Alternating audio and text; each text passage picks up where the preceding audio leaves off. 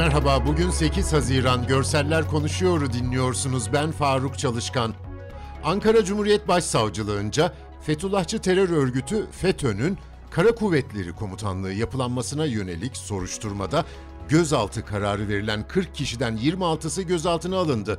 Ankara Cumhuriyet Başsavcılığından yapılan açıklamada terör suçları soruşturma bürosunca FETÖ'nün Kara Kuvvetleri Komutanlığı mahrem hizmetler yapılanmasıyla irtibatı olduğu anlaşılan ve kontörlü sabit telefon üzerinden örgütün sivil imamlarıyla iletişim sağladıkları tespit edilen şüpheliler hakkında soruşturma başlatıldığı kaydedildi. Açıklamada daha önce ilişiği kesilmiş 40 askeri öğrenci hakkında Ankara merkezli 12 ilde gözaltı kararı verildiği belirtildi. Ankara Emniyet Müdürlüğü Terörle Mücadele Şube Müdürlüğü ekiplerince 26 şüphelinin gözaltına alındığı, firarilerin yakalanmasına yönelik çalışmaların devam ettiği bildirildi.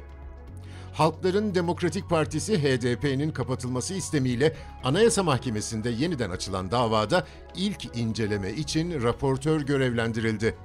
Yargıtay Cumhuriyet Başsavcılığı'nın ilk iddianamesi eksikliklerin tamamlanması istemiyle iade edilmiş, dün yeni iddianame işleme konmuştu. İade edilen ilk iddianameyi inceleyen raportörün yeniden görevlendirildiği öğrenildi. Raportörün ilk incelemeye ilişkin raporunu tamamlayarak Anayasa Mahkemesi heyetine sunması gerekiyor. Bunun ardından heyet davaya ilişkin ilk incelemesini yapacak ve iddianamenin kabul edilip edilmediğine karar verecek.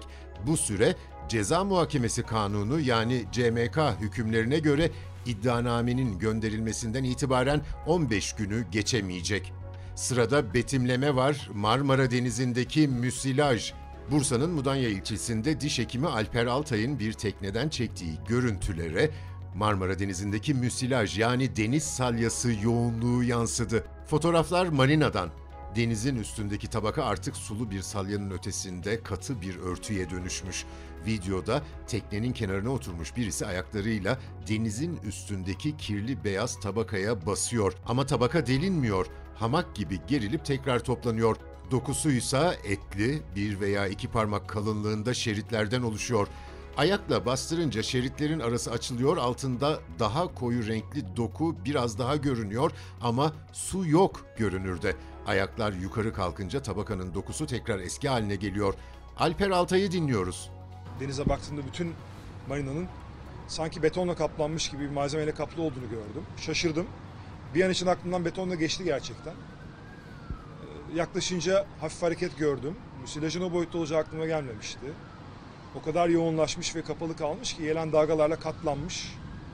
Ee, bir teknenin üzerine çıktım. Ayaklarımı aşağı doğru uzattım. Baktım. Sünger hatta daha kalın bir poliüretan tabaka gibiydi. Ee, açıldığında dış cepheli yırtıldığında kötü bir yosun kokusu gibi koku geliyordu. Yakın zamanda yine gittiğimde gördüm ki marinanın içi yemyeşil. O tabaka artık yok.